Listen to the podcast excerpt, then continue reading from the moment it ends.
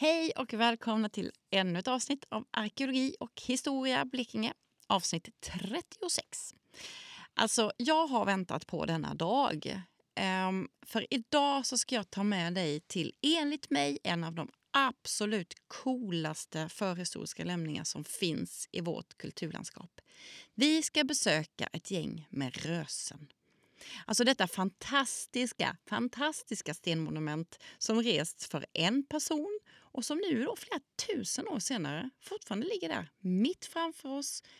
Härligt ute i naturen att skåda. Ehm, det finns egentligen hur många rösemiljöer som helst i Blekinge och i Skandinavien i stort. Men jag har valt att åka till Förkärla. Ehm, Förkärla ligger i östra delen av Blekinge, ehm, precis intill E22. Ett fantastiskt område med flera så här högt belägna rösegravar. Um, och du, jag ska bara säga att ni ska bara veta att jag har klippt och klippt och klippt och klippt. Det finns så mycket att berätta om de här och jag får ta bort jättemycket. Och ändå när jag kom hem så märkte jag att fasen vi hade glömt att prata om vissa saker. Jag har ändå missat mycket. Men jag hoppas kunna återkomma till det här um, med rösen och kontexter där gravar från bronsåldern och järnåldern kommer på tal. Ehm, och som vanligt vill jag höja upp min samarbetspartner i det här, Länsstyrelsen i Blekinge, som tycker att podden är ett bra sätt att lyfta fram och tillgängliggöra vårt gemensamma kulturlandskap. Tack, tack, tack, tack, tack, säger jag. Ehm, men idag vet ni, så har vi också med oss Linnéuniversitetet och institutionen för eh, kulturvetenskaper. De har faktiskt sponsrat oss med ett styck lektor. Så, nu ska jag sluta och tjata. Nu ut i naturen och titta på sten.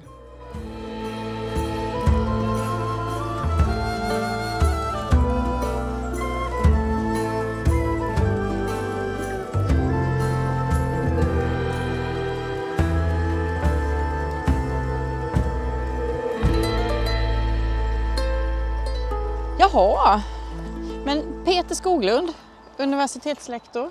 Ja, Linnéuniversitetet. Stämmer. Så är det.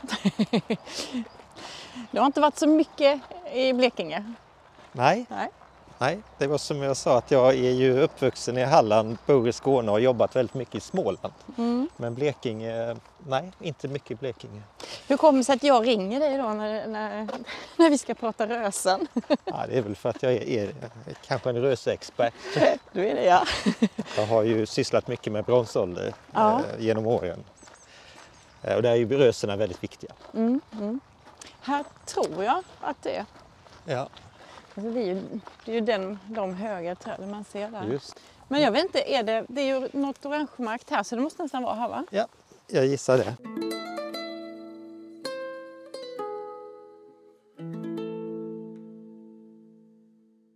Ja, det är ju fräckt. Du, nu står vi här. Ja. vi har tagit oss upp för en, en eh, orangemarkerad liten ja, stig. stig upp och här framför oss ligger det ett, ett röse. Ja, och det ser väldigt vackert ut. Mm. Så det, man ser det så väldigt tydligt. Eh, det är exponerat ut mot dalgången här. Mm. Men du, vad, vad är ett röse? Om man ska... Det finns väl någon sån här fornminnes... Eller Riksantikvarieämbetet har väl... Ett röse är...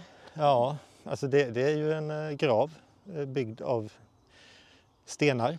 Ofta är den ju rund eller cirkulär. Mm. Eh, och sen att den har en liten välvd profil. Alltså den, den, den ska inte vara helt platt utan den ska vara lite, lite välvd. Ja. Ska vi gå upp? Ja, den är jättefin. Men det finns, när man pratar rösen så kan man säga då är, då är detta ett gravröse eller så. Det finns ja. andra rösen ja, också. Ja. Absolut, du kan ju göra stensamlingar av många olika skäl. Men, men eh, till exempel för att eh, röja åken, åken från sten. Du ska odla. Då blir det ett röjningsröse. Mm. Eh, men, men också då under stora delar av förhistorien så gjorde man ju också rösen där man begravde folk. Mm. Och ett sånt har vi här. Ja, det har vi här. Och eh, i det här fallet så är jag ju väldigt trygg med att detta är just ett gravröse för att ja. eh, det är stort, eh, det är vällagt, det är liksom arkitektur vi ser framför oss. Mm. Medan ett röjningsröse då är oftast mindre och lite sladdrigare i formen. Ja, just det. Men, men det här, hur vet man att det är... För sen finns det något som heter stensättning. Jag tänkte vi kan komma till det också sen. Men, men om man då säger, hur vet man att det är en grav? Är... Ja, alltså det är ju för att man har gjort arkeologiska undersökningar i sådana här anläggningar och plockat bort stenar och kommit ner i mitten ofta då av de här gravarna mm. och hittat eh, föremål från bronsåldern till exempel. Och eh, man kan också hitta eh, alltså rester av den döda individen i form av brända ben eller skelettrester. Um, så att det, det, har man ju bra koll på, mm. att, att de har varit, varit gravar helt enkelt. Ja, och det känns inte här direkt som att vi är nära någonstans där man har röjt sten för, en, för en åker. Så att röjningsröse, det kan man ju då. ja, precis. Alltså, det, det var den aspekten också här. Vi står ju på ett väldigt eh, klippigt område där berget går i dagen. Mm. Så att här, här, har man inte odlat. Men sen kan det vara svårt ibland att se skillnaden. Alltså jag har ju varit uppe i Småland och ute i skogarna och kliat mig i huvudet ibland där du har eh, anläggningar, eh, rösen, där du inte kan vara helt säker på om det är en grav, ett eh, grav eller ett röjningsröse. Mm. Det, det, kan förekomma, absolut. Men, Men vad, vad skiljer då, som nu är vi vid kusten då, mm. Eh, och jag har förstått att vid kusten så är de oftast monumentala, lite högt placerade, de ska vara lite synliga eller sådär nära ja. vatten eller ja. så. Ja. Vad är skillnaden då som uppe i Småland? eh, alltså, ja, alltså, det, alltså om man bara tittar på dem, eh, hur, hur de är, är, alltså formen, storleken, så är de ju väldigt lika varandra. Mm. Men det är placeringen i landskapet, tänker jag, Eh, som du sa då så är de ju ofta liksom riktade ut mot vatten då, vikar, fjärdar, havet kanske. Eh, och här också hur, de, hur den här, hur det här röset vi står vid ligger på en klippa. Va? Mm. Inne i Småland, eh, om man åker upp till Växjötrakten så så har ju en tydligare koppling till den tidens odlingsmark. Alltså att, att de ligger ofta i, i sammanhang med fossil åker som vi säger, alltså väldigt, väldigt gamla röjningsrösen som också då kan vara från eh, bronsåldern. Mm.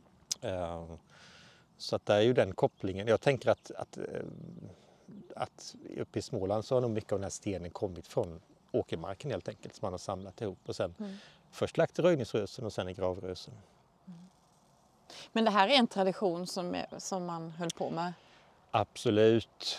Uh, alltså, alltså vi säger ju lite generellt att de här gravarna är från bronsåldern men vi vet ju att man har byggt uh, sådana här rösen in i järnålder och vi mm. vet att de också har förekommit i olika sammanhang. Uh, inte bara i jordbrukande kulturer här i söder utan också långt upp ut med, ut med Östersjön i Norrland mm. där kanske jakt, fiske och så vidare också varit väldigt viktiga inslag i ekonomin. Så att, nej men det är väl ett rätt så vill du göra något monumentalt så har du ju två sätt egentligen. Antingen kan du bygga en stor grav av sten eller så kan du bygga den av jordtorvor. Väl, ja, just det. Ja. Ja. Vi, vi, kommer till det sen, att vi ska prata lite om högar också.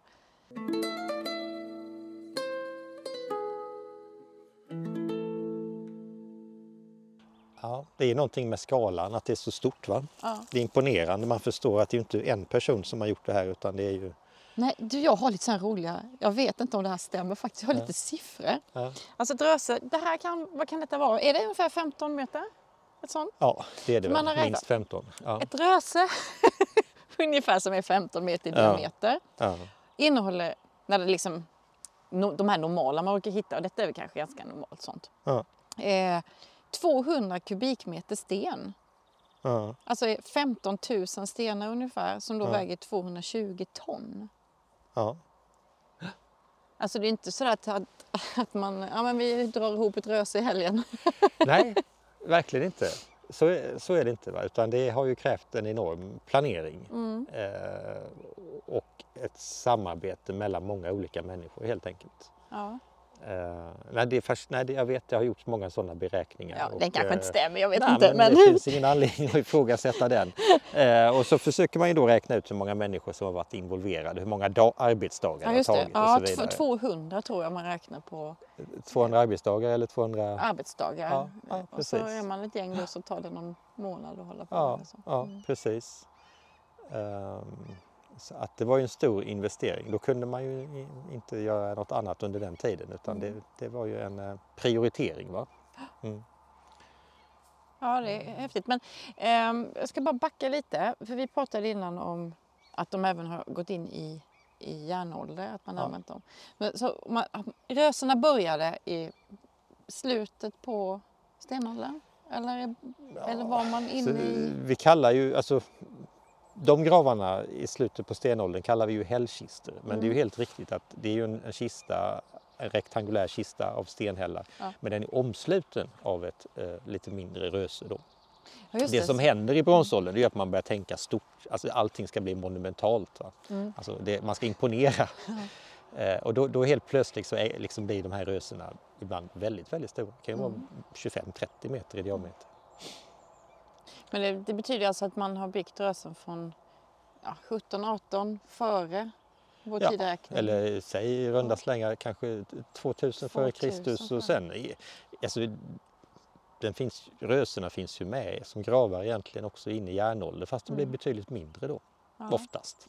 Inte alltid, men ofta mindre. Mm. Vad var det som gjorde sen att de försvann, de röserna? Alltså, alltså den riktiga slutpunkten är väl egentligen att kristendomen kommer och man mm. får ett helt annat kristet gravskick. Men, men de här bronsåldersrösena, om vi pratar om dem, de här mm. klassiska stora monumentala rösena som är så mm. väldigt vanliga i framförallt äldre bronsålder. Mm. Um, där tror vi ju, det är komplicerat för att det är inte sådär jätteofta jag och mina kollegor gör arkeologiska undersökningar av sådana här anläggningar. Har ju två skäl tänker jag. Det ena är att vi vill ju bevara dem. De är så fantastiska och, och, fina så att man gör allt man kan för att de ska bevaras. Och sen är de väldigt svåra att undersöka, tar mycket resurser. Ja. Utan mycket är ju gjort i gammal tid, på 1800-talet, början på 1900-talet. Så att vi har lite problem med dateringen av dem. Mm. Men det verkar som att de flesta är från det vi kallar äldre bronsålder och att de är betydligt de är ovanliga under yngre bronsålder. Och det där är ju någon slags samhällsförändring där att, att äh, det här väldigt stora överflödet som verkar finnas i äldre bronsålder, man liksom investerar i stora tunga bronsföremål, långa hus och stora hus och stora gravrösen. Det, det klingar av liksom i mitten på bronsåldern. det gör det? Ja, man blir kanske lite mer rationell.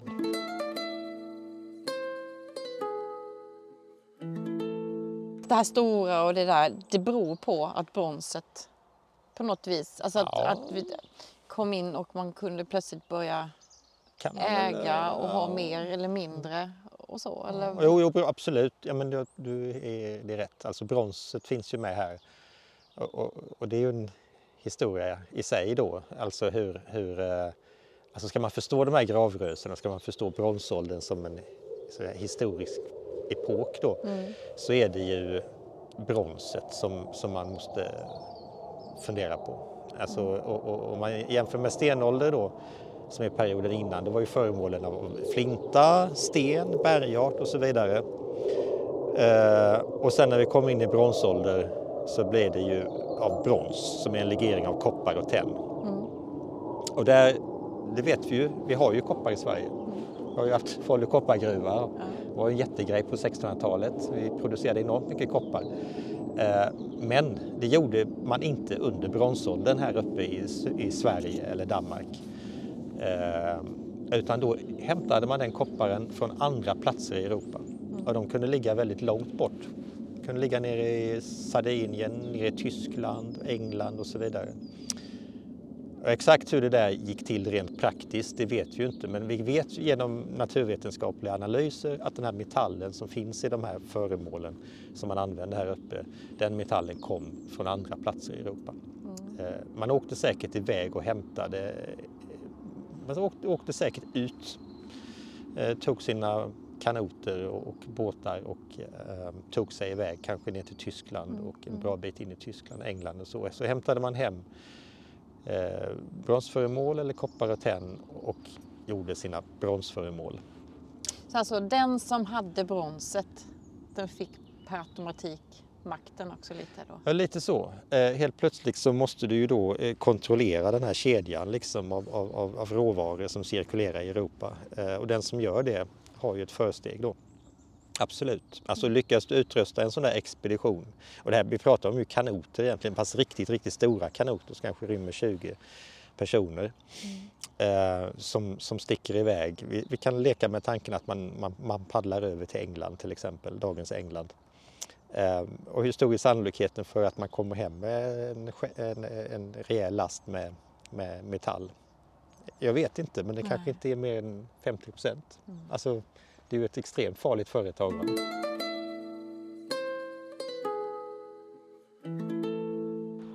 Eh, och att man liksom bygger in sig i ett samhälle där man blir beroende av någonting som man själv inte har kontroll över. Eller man måste försöka skaffa sig kontroll. Man måste ge sig iväg med sina kanoter eh, liksom en gång om året för att eh, byta till sig den här metallen och få hem den.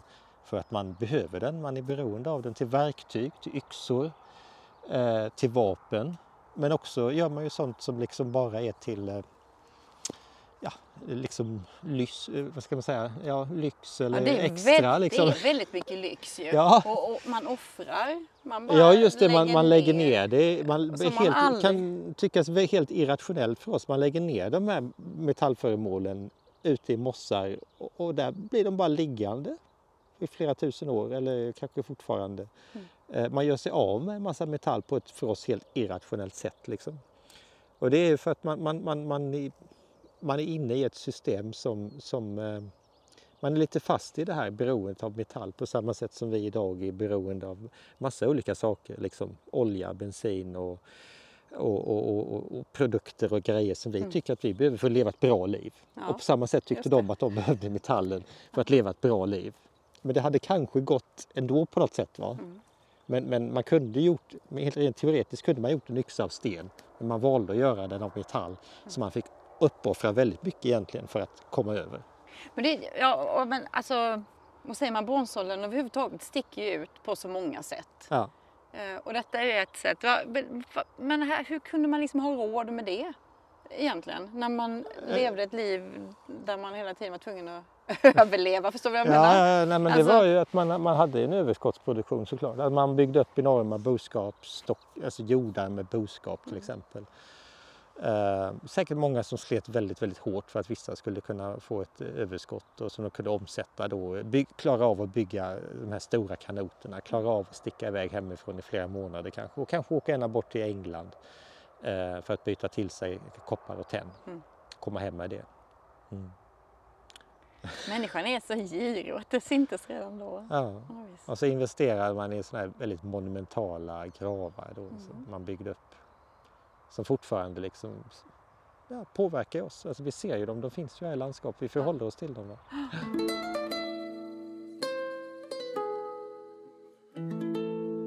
Ja, för vilka var det man begravde? Vad, vad, har man liksom, vad har man kommit fram till? Vem var det som fick en sån här? Ja, alltså ehm, det- men det, det, det vet, alltså det man kan säga där är väl att vi vet inte riktigt eh, men att eh, det var ju inte alla såklart. Alltså det, det, det är ju inte tillräckligt många sådana här gravrösen för att det skulle kunna rymma alla som levde under bronsåldern. Utan de allra flesta människorna har vi ingen aning om vart de tog vägen när de dog. Nej. Så att det är ett urval och ofta är det ju också väldigt fina föremål vi hittar. Föremål av brons då. Mm. Svärd, smycken eh, och så vidare. Fina dräktdetaljer av brons och så. Mm. Mm. Eh, så att vi brukar tänka kring dem som elitgravar. Just det. Mm. Jag tror att jag har sett siffran att det finns registrerat 20 000 rösen ungefär i, I Sverige. i Sverige. Mm. Stämmer säkert. Mm. Och så var det någon sån där en och en halv eller två procent undersökta då. Ja. ja, så är det ju. Ja. Men om vi nu skulle eh, här bara börja plocka bort alla stenen. Nu vet vi inte precis just detta röset men, Nej. men eh, vad tror vi? Hur, hur ser det ut under? här? Hur, hur, hur ser de ut liksom? Ja. innan mätet? Det- Det kan komma fram spännande saker. Inte bara föremål och gravgömmor och så utan även eh, konstruktionsdetaljer. Det är rätt så vanligt att man hittar, alltså hur ska man beskriva det, Koncent, alltså runda stenkonstruktioner, alltså ringar av stenar. Aha. Ehm, eh, liksom, och det, den, ja, cirkeln var ju viktig, liksom, gravröset är ju runt och det hittar vi hällristningar och så. Ehm, men, men sen är det väl då troligt att man skulle hitta någon form av det vi kallar för centralgrav, alltså en, en, en kanske en kista, kanske en stenkista i mitten. Mm. Mm. Med, där, där man då, den som man byggde den här graven över ligger begravd. Det kan vara en kvinna, det kan vara en man. Men då sannolikt någon med en viss ställning i samhället. Ja, hur var det med alltså, könen om vi bara tar det när du ändå Ja. nämnde det? Är det lika, är det lika vanligt att man har hittat kvinnor som män? Eh, Eller? Alltså, om man tittar på förhållanden i Danmark då, i, i, ja, där har de inte så mycket höga, eller röse, men de har ju något som heter höga då som är lite Mm, motsvarande. Där, det är det ungefär så att det är ungefär hälften så vanligt med, med kvinnogravar Okej. jämfört med mansgravar. Men det är en grav som absolut, eh, alltså det, det fanns också kvinnor i det här toppskiktet och, och de begravdes också i sådana här gravar, det vet Mm, vi. mm. Mm. Förlåt, nu går vi tillbaka då. Ringar Ringar, ja. och så kan man hitta, om man har tur då, eller så, ja. att någon är begravd. Ja, ja precis. Mm. precis. Eh, så att, alltså, här, alltså, man kan, kan tänka, man måste ha två tankar i huvudet samtidigt här tror jag. Dels, dels det rent praktiska arbetet, eh, allt det här enorma slitet som det inneburit att forsla ihop den här stenen Mm, och lägga mm. upp den. Men sen också att det ju har ju varit en ritual, alltså det, det har ju varit en del av en, eh, den här alltså, gravläggning. Att bygga röset har ju varit en del av själva Ja, begravningsritualen. Jag va? så, så tänkte inte jag innan. Jag såg, jag såg sådär gula jackor och liksom! Och så. Just det. Det har ju faktiskt legat Ja. någon. Ja, Och ja. hela den ritualen och sen har Ja. man börjat Ja. bygga på Ja. sten Ja. Så- Wow, ja just det. Så de här cirkulära, man ska, vi pratar ju om kantkedjor och, Mm, och de här mm, cirkulära mm. stenkonstruktionerna är ju inte praktiska utan de har väl haft någon form av rituell betydelse. Vi, vi, det är väl väldigt mycket som talar för att man, alltså solen var en väldigt viktig symbol i bronsåldern. Och de kan till exempel symbolisera solen, kan symbolisera liksom form av kretslopp, återföljelse och så vidare. De här liksom runda stenkonstruktionerna man Ja. ofta hittar inne i sådana här rösen. Jag tänkte, gå- det är ju en ring. Jag, jag har sett eh, liksom, skisser på det. Ja. Det, kan vara, liksom, det kan vara tre Ja, så. ja. De kanske har gjort liksom, en för varje år. Ja, ja. Byggt på efterhand. Liksom.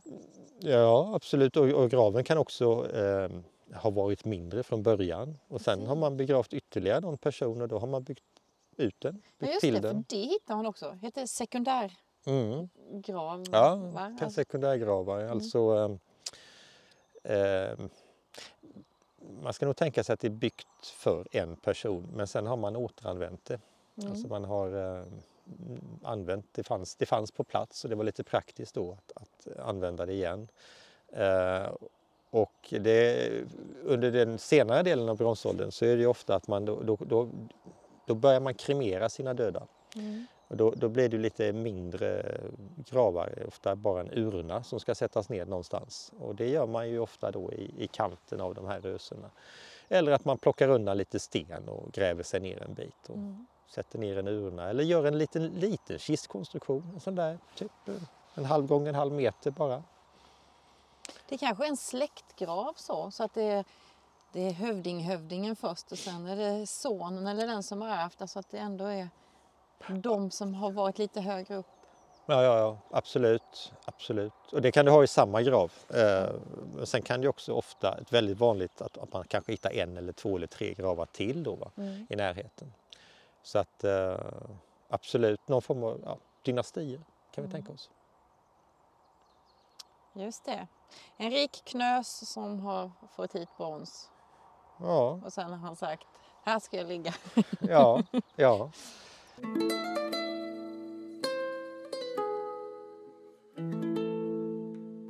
Men som detta vi står här nu, det är inte i, jag vet inte hur högt det är. Nu ligger det lite i slänt här också. De har väl dragit nytta av att berget har gått upp på något vis. Men Ja, just det. Men det är väl i Ja. alla fall det beror på var du står. Va? Där, från det Mm. hållet, alltså, det är ju väldigt vanligt att man, man är lite smart där. Man, Ja. man sparar på stenen så att man lägger det i en sluttning och det innebär att från ena hållet så ser det ju högre ut än vad det egentligen är så att säga. precis. Och i detta fallet så är det ju ner mot Ja, så står du där så är det ju över två meter, Ja. kanske närmare tre och står du där så är det kanske en och en halv. Det är ett det. väldigt vanligt fenomen.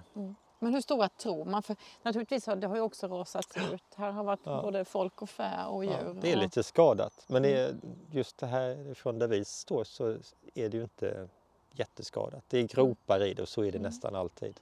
Jag tror att det är Alltså man kan nästan före, man ser tydligt att vissa delar är skadade men jag tycker man kan ana ändå liksom att det finns någon slags ändå ursprunglig profil här. Nej men man har ju, är det har ju, finns ju så många sägner om de här gravarna också. Alltså att det var gömt skatter och det spökade Ja, på dem och så. Okej, ja. Så att eh, det har ju alltid attraherat folks intresse. Mm. Alltså man har trott att man kan gå hit och, och hitta guld och så. Men det kan man inte. Och det måste vi vara tydliga med. Man får inte flytta en massa stenar. Nej, man det får, får inte man inte. röra dem. Det får man inte göra. Men det, är- det kan förklara de här groparna vi Just ser. det. Mm. Att det, innan, innan det var straffbart en gång i tiden på kanske medeltiden och, och så, så Mm. tror jag det. Nu är vi ju i Förkärla.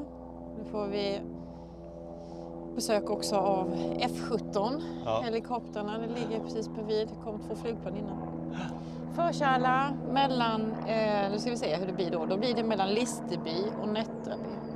Eh, på Sjösyd, vad blir det? Södra sidan av E22, där är vi. Ja. Det är en fin höjdrygg.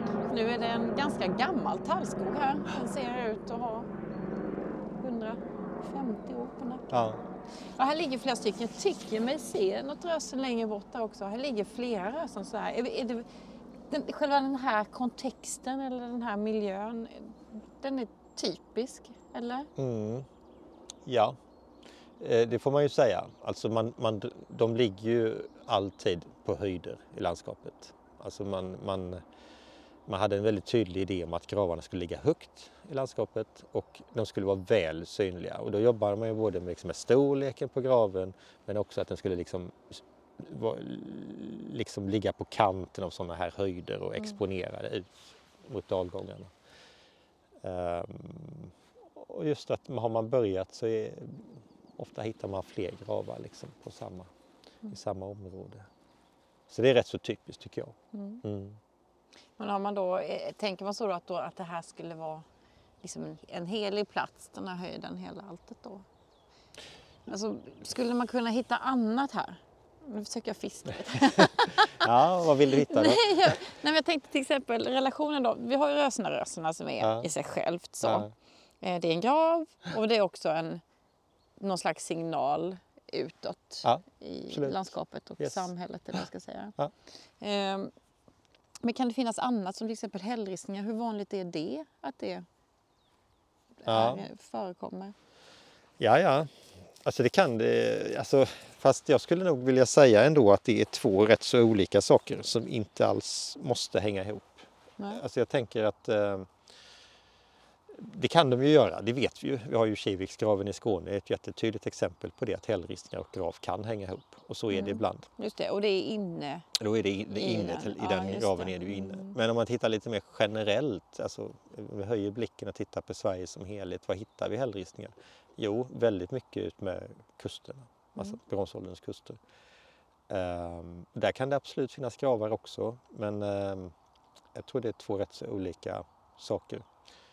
Um, hällristningar gjordes, eh, jag- om vi återkopplar till det här med de här eh, resorna ut i världen för att eh, hämta metall. Mm. Ehm, så, så för mig är det rätt så tydligt att väldigt mycket av ristningarna gjordes ja, vid, den, vid kusten, vid hamnar där man liksom kanske låg med sina kanoter och väntade på bra väder för att kunna ge sig iväg. Kanske när man kom hem från en lyckad resa för att liksom hugfästa minnet av någonting så knackade man in de här bilderna på hällarna. Så att eh, kanske inte figurristningar här då, alltså, men, men man kanske skålgropar. Skålgropar. Mm, Ja. skålgropar. Jag tycker det finns något som heter fornsök. Ja. Det, det, det, det ska alla, det finns en app man kan ladda ner. Den ska alla ha. Ja. Men eh, då kan man se, jag har ju kollat lite nu just med, med rö, Rösen och var de finns, Ja. var vi skulle åka du och jag lite Ja. så. Och då är det då, klickar man runt där lite på de här plupparna och de här ärren. Ja. Då är det ju väldigt ofta som det ändå finns hällristning står det då. Ja. Men då är det just Ja. att det är några skålgropar. Ja, jag skiljer ju lite grann på alltså, figurristningar som jag Mm. lite slarvigt tänker hällristningar då och skålgropar som det. egentligen också är en hällristning. Ja, Ja. ja. det precis. Mm. Ehm, Men, men skålgropar det är en, en liten, liten eh, rund, någon har knackat en liten grop i, i, i, en, i, en, i ett block till exempel. 4-5 cm diameter, en halv till en centimeter djup. Jag har ingen aning om varför. Nej. Det är så det är. Det är så. Men det har också, de har också funnits. Men det är också det, det är andra avsnitt det. Men eh, just bara relationen då. Men sen finns det ju en sak till. Var har folk, folk måste ju ha bott någonstans också. Ja. Det verkar ju vara lite si och så med det på, Mm. på Bronsålen. Just att vi inte riktigt alltid har hittat. Men vet man om gravarna ofta var nära? Eller alltså, vad vet man om det? Förhållandet? Ja. ehm, jag tror inte man måste tänka sig en väldigt nära relation mellan hus och grav. Utan eh, man ska nog tänka sig att de här gravarna har markerat områden och resurser som kanske varit viktiga för människorna som bodde Mm. här i trakten. Om jag får göra en liten utvikning till Jylland då. Ja. Där man hade gravhögar från precis samma tid, alltså byggda av torv inte istället för sten, för det finns ju ingen sten på Jylland. Så där är ju en eh, rätt så tydlig koppling mellan de här högarna och vägar då. Men också Ah, att det är tydligt att högarna har mycket, mycket större utbredning i landskapet än vad boplatserna från samma tid har. Mm. Då finns det de som har föreslagit att ja, men de här högarna de markerar rätt till betesmark, alltså att man drev djuren ut på hedarna, så att, hedarna på Jylland. Mm, mm. Eh, under sommarhalvåret kanske man utnyttjade väldigt stora områden där man då drev sina djur och kanske tillsammans med andra. och Så, så de här högarna ligger som pärlband i landskapet och markerar rätt till bete. Då. Men hur det var här i Blekinge eh, det vågar jag inte vara så detaljerad om. Men, Nej. men, men jag tänker mig att den här åsen kan ju också ha fungerat som betesmark. Man har ju inte Mm. odlat här, det tycker jag vi kan konstatera. Men, eh. Jag kan säga eh, Torhamnslandet, där Mm. jag kommer ifrån, mm, mitt på denna lilla halvö, där finns Blekinges största rösegravfält. Mm. Eh, 36 eh, gravar. Men det är också det är rösen och stensättningar Mm. som då är betydligt mindre. Så. Mm. Men det har man också sett. Man har tagit pollenanalyser och lite annat och man har förstått att just under bronsåldern så var det ett fruktansvärt hårt betestryck. Mm. Eh, Det gick från att vara en frodig härlig skog till att bli Mm. hedelandskap Mm. ganska snabbt. Ehm, Så den där kopplingen just med, med gravarna och det kan ju vara... Absolut. Och det är ett väldigt effektivt sätt att, att eh, bli rik på. Om du, om du liksom kan eh, ha, föda upp boskap Mm. och få mer och mer boskap. Alltså det är ett sätt, det, blir, det, det är ju vandrande rikedom.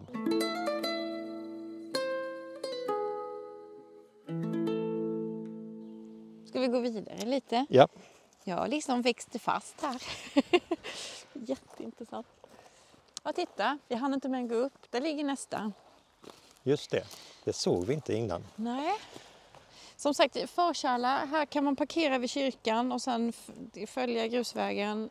Um, en bit bort så kan man gå upp här.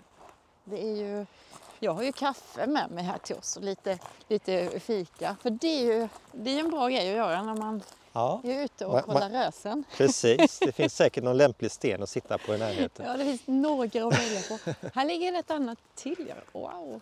Ja, lite flackare, Lite flackare. lite mer anspråkslöst. Fast jämfört med det andra, men fortfarande en ordentlig grav. Ja. ja, den här ligger inte så. Den låg ju på en sluttning nästan. Den här ligger Ja, lite mer på toppen. Li- Lite här. mer på toppen, Ja. så kanske inte lika exponerat men, men, åter, men det är ändå höjdläge. Va? Mm, mm. Och där Eh, ligger ett också. Där ja. är ju också jättefint. Eh, ja, det är fantastiskt, man ser dem på håll, de, de är så väldigt tydliga. Mm. Eh, och det ligger ju kanske lite eh, som det låg på bronsåldern, alltså det ligger på en klippa då, en väldigt stor klippa. Så att det är väldigt öppet runt omkring. Och så måste vi ju tänka oss att det var ett rätt så öppet landskap på bronsåldern, speciellt kring de här högarna tänker jag. Mm. Mm. Ja, de har liksom, eftersom det var ju troligtvis ingen tallskog. alltså det vet vi kanske inte, men, men eh, de har liksom byggt på de topparna som redan fanns. Så på håll har det liksom blivit ännu... Ja, ja, Ännu högre. ja, ja. Absolut. Ehm, Vi har ju touchat detta lite några gånger här med gravar, eller rösen och högar. mm.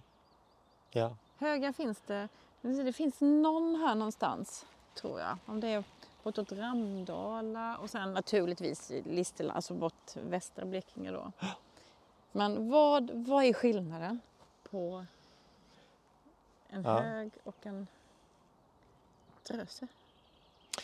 ja, det är ju skillnad i material. Alltså röset är ju byggt av stenar. De kan vara en 30-40 cm diameter, 20 cm, det varierar. Ehm, Medan högen då är byggd av torvor, alltså man har skurit ut grästorvor ur marken helt enkelt, som man har staplat på varandra. Wow, vilket jobb! Ja. Eh, Det är slitsamt tror jag, både bygga ett röse och bygga en hög. Eh, Men vi vet lite mer om hur man byggde högarna. Vi tror eh, faktiskt. Alltså jag sa ju innan att vi har dålig koll på Alltså många, vi gräver ju inte, vi är väldigt sällan vi gräver, alltså arkeologiskt undersöker rösen idag. Så mycket av kunskapen bygger på gamla iakttagelser. Men när det gäller högar då så har man gjort ett fantastiskt spännande projekt i Danmark där man eh, undersökte en hög på Jylland som heter Skellhöj. Eh, oerhört detaljerat. Eh, och man tittade ju då, som arkeologer ofta gör, i profilen. Alltså man, man rensade fram, eh, man gjorde schakt in och så rensade man då så man fick en genomskärning av den här en högen. tårtbit in sådär. Ja, ungefär så. Man grävde sig in där och och då, då kunde man ju se eh, hur de här torvorna var upplagda. Eh, och eftersom man då undersökte det så noga så kunde man också se att de här torvorna hade lite olika karaktär och var lagda på lite olika sätt i olika delar av den här högen. Och tolkningen av det blev ju då att det måste vara ett olika arbetslag, alltså åtta olika arbetslag som tillsammans har byggt den här högen. Eh, Så, så då fick vi helt plötsligt en bild där av, av att, att det här var rätt så välorganiserat. Och så var det ju sannolikt med, eller så måste det ha varit också med de här rösena där vi står, Ja, där vi har nu Lena. ja. Eh, Men ja, så att eh, det är ju någon form av gemensamt arbete, inte bara för ett hushåll utan flera hushåll. Man kan ju tänka sig att varje sånt här arbetslag representerar ett hushåll då till exempel. I så fall är det åtta gårdar eller Men alltså stenar kan jag ändå förstå. Mm. Eh, det kan vi hitta ute i åker och alltså morän, ja, så. ja. Men, men torv, alltså det är ju det är makalöst mycket jord. Alltså som Ja. man kanske kunde odlat på. Ja, alltså, ja, ja. Jo, man har ju, det är ju det ett resurs... Det, det, det är ju en intressant skillnad där. Alltså, eh, högen är ju ett resursslöseri. Alltså det tar ju Redan ett tag innan, innan marken återhämtar sig, tänker jag, och det börjar växa Ja. igen. Eh, Så det har man ju skurit ut med för, alltså, träspadar och, och, tänker jag och, och, och, och, och bu- burit långa sträckor, transporterat långa sträckor och sen Mm. staplat systematiskt upp i de här högarna. Eh, och då har man också fördärvat rätt så mycket stora områden helt enkelt som inte varit eh, möjliga att beta på ett tag. Och så. Det tyder också på rikedom, alltså när man kan Ja, det är ju någonting märkligt i den där äldre bronsåldern, alltså ungefär från 1500 till 1200 f.Kr. Att man liksom, man, man, man, eh, man, slö, man tar i va? Man tar i. Som att det inte fanns någon morgondag. Ja, det, allting ska vara så stort och så fantastiskt. Ja. Och det, det är ju mycket med, det är väl, och det är väl det som kanske gör att, att det kommer till ett slut. Alltså man, man, man, man, det blir betydligt, liksom, man upphör ju mer eller mindre med de här högarna Mm, eh, sen omkring 12-1100 före Kristus. Det blir kremeringsskick och enklare urnor och så som man sätter ner i marken. Eh, Men det är väl den skillnaden mellan högar och rösen. Sen vet vi ju också lite mer om högar, alltså bevaringsförhållanden. Alltså hur, eh, när vi arkeologer kan uttala oss så är det för att det finns någonting bevarat. Mm. Och du ser där vi står nu, det är ju fullt med liksom hål och sprickor ner i det här röset. Ja, det Så lägger du en metallbit här för 3500 år sedan så får du nästan vara lite glad om den finns kvar idag. Alltså Mm. luft och syre kom ju ner här. Ja. Och nu har det ju liksom stått emot eh, hyfsat bra ändå. Vi har ju metallföremål och bronsföremål från de här anläggningarna. Mm. Eh, men mycket har säkert också försvunnit och vi vet egentligen ingenting om, om mer exakt hur man la kroppen och, och så vidare. För att skelettet är ju helt borta Ja. i de här miljöerna. Ja, det. Men det är däremot oftast betydligt bättre bevarat i de här högarna. Där Men tror, man, man, tror man att eh, det ändå varit samma grund... eh, ja, det tror vi ju. Om man säger så. Det tror har, vi ju. Alltså att det har varit eh, samma grund, alltså det är ju liknande föremål, eller samma, före, typ av, samma typ av föremål vi hittar här som vi till exempel hittar i Danmark och så. Eh, och och eh, det finns väl anledning att tro att det har varit, eh, alltså det har varit skelettgravar här eh, i äldre bronsålder och sen blir det kremeringar här och det är liksom en generell trend. Ja.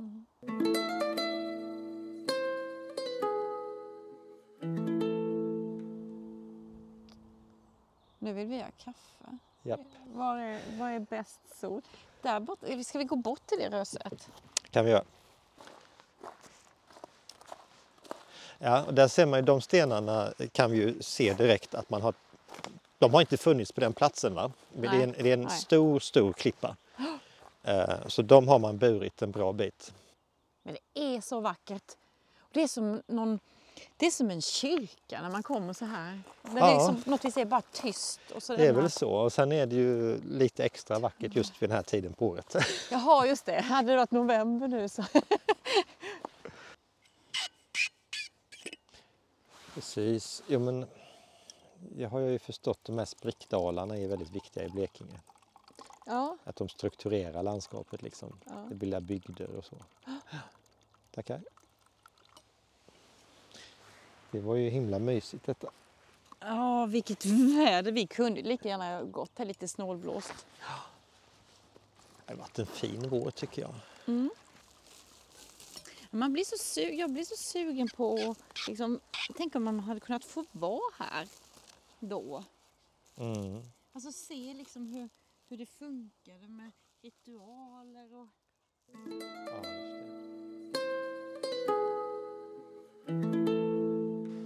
Nu känns det mer sådär woho, Röse. Jaha. Eller? Ja, det är ett riktigt röse verkligen. Det är Mm. ett stort... Eh, man blir helt eh, tagen faktiskt av det. det. Det bara ligger här mitt i skogen. Och ehm, det är inte bara ett utan det är flera på rad här. Tre stycken jättestora fina rösen. Här ligger det, jag såg detta, de här stenen. Ja, Såna här små. just det. Vad? Eh, Du tänker på de här eh, som ligger på, som på en rad här va? Ja, nej, jag tänkte också att man har fyllt med såna himla små med. Ja, kanten ser man ju där ja. Ja, det är Just den jag det. Mm. tänker på, kanten här. Kallas ju för kantkedja. Kantkedja. Eh, och det är ju en väldigt snygg och fin avslutning på röset då Mm. där man har lagt lite mer bearbetade stenar i kanten Mm. eh, som en fin och tydlig avslutning. Är också då förmodligen går det ju runt hela röset även då det kanske har trillat ner lite Ja, sten just så man ser inte alltid då. Men återigen den här liksom cirkulära formen vi pratade om, man har markerat. Mm. Men de här små stenarna, eh, jättesmå. tycker du jag ska ha ett bra svar på det? Nej, jag vet inte, jag bara blev sådär, jag har faktiskt inte sett det riktigt Nej, jag... förut. ehm, Och det är hela vägen här. Har, de, eh, har det varit en del i konstruktionen eller? Ja, jag är nog lika frågande som du Ja, här, går, här. här går kantkedjan igen va? Ja, kanske. Den kommer där ju.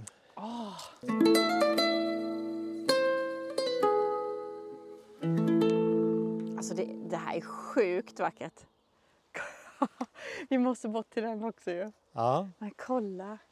väldigt fint och väldigt högt va? Ja det ser... Det är nästan två du. Ja, fyra meter kan jag tänka mig absolut. Fyra och ett halvt med. Wow! Ja, detta var ju tjusigt. Är det slut sen på dem eller? Ja, Där går en liten stenmur mitt uppe här i bergsmassivet.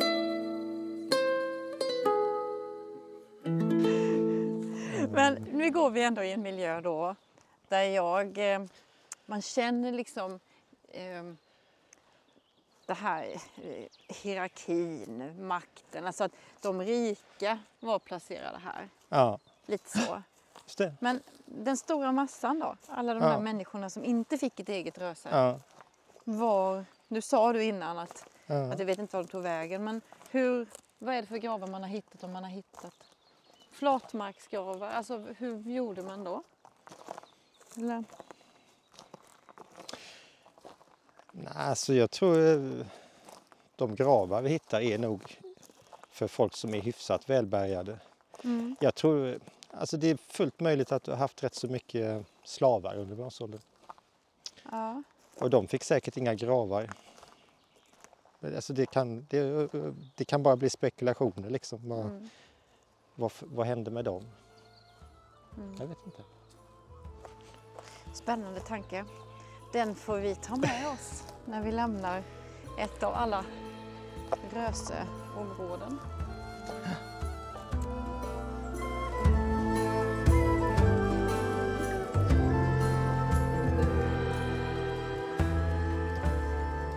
Ja, alltså det finns ju hur mycket som helst att säga om dessa rösen. Och det kommer definitivt att finnas tillfälle att återkomma till dem, det vill jag lova. Ehm, jag vill uppmana alla, du där som sitter och tänker att jag skulle också vilja ut och se rösen, för det vill du. Um, Då kan ni gå in på fornsök på nätet. Klicka in på sökfunktionen så söka efter ett röse nära dig och sen är det bara ut och njut. Um, och tänk på att ni jättegärna man får klättra upp på rösena och man kan sitta med en kopp kaffe och studsa runt på dem. Men man får inte börja plocka sten i dem eller på något annat sätt förstöra dem. För vi vill att de ska ligga där i 3000 år till. Och som vanligt, dela och berätta gärna om podden eh, så att fler hittar hit. Och då kan ni säga till dem att podden finns på Spotify, på Podbean, på Podcaster eller så kan de googla. Um, tack till Länsstyrelsen igen för att ni månar om de som inte kan eller hinner eller vill ge sig ut i kulturlandskapet men som ändå vill vara där. Då är det bara att lyssna på Arkeologi och historia Blekinge. Och den här veckan vill jag också tacka Linnéuniversitetet som lät Peter Skoglund sätta sig på tåget och lägga en hel dag bara på Rösen i Blekinge. Tack för det! Och eh, ja, vi hörs redan nästa vecka, den som vill alltså. Då lämnar vi faktiskt forntiden. Då kommer vi gå in i historisk tid och jag hoppas, jag kan inte lova, men jag hoppas då att jag tillsammans med Fredrik Lindström från På spåret, eller Hassan som min generation eh, förknippar honom med, att jag ska få ligga med honom. Nej. Åh, förlåt. Alltså, jag ska ligga bredvid honom på ett golv och läsa en text i ett tak på ett hus från 1600-talet. Men det är först nästa vecka. Tack snälla för att du har lyssnat.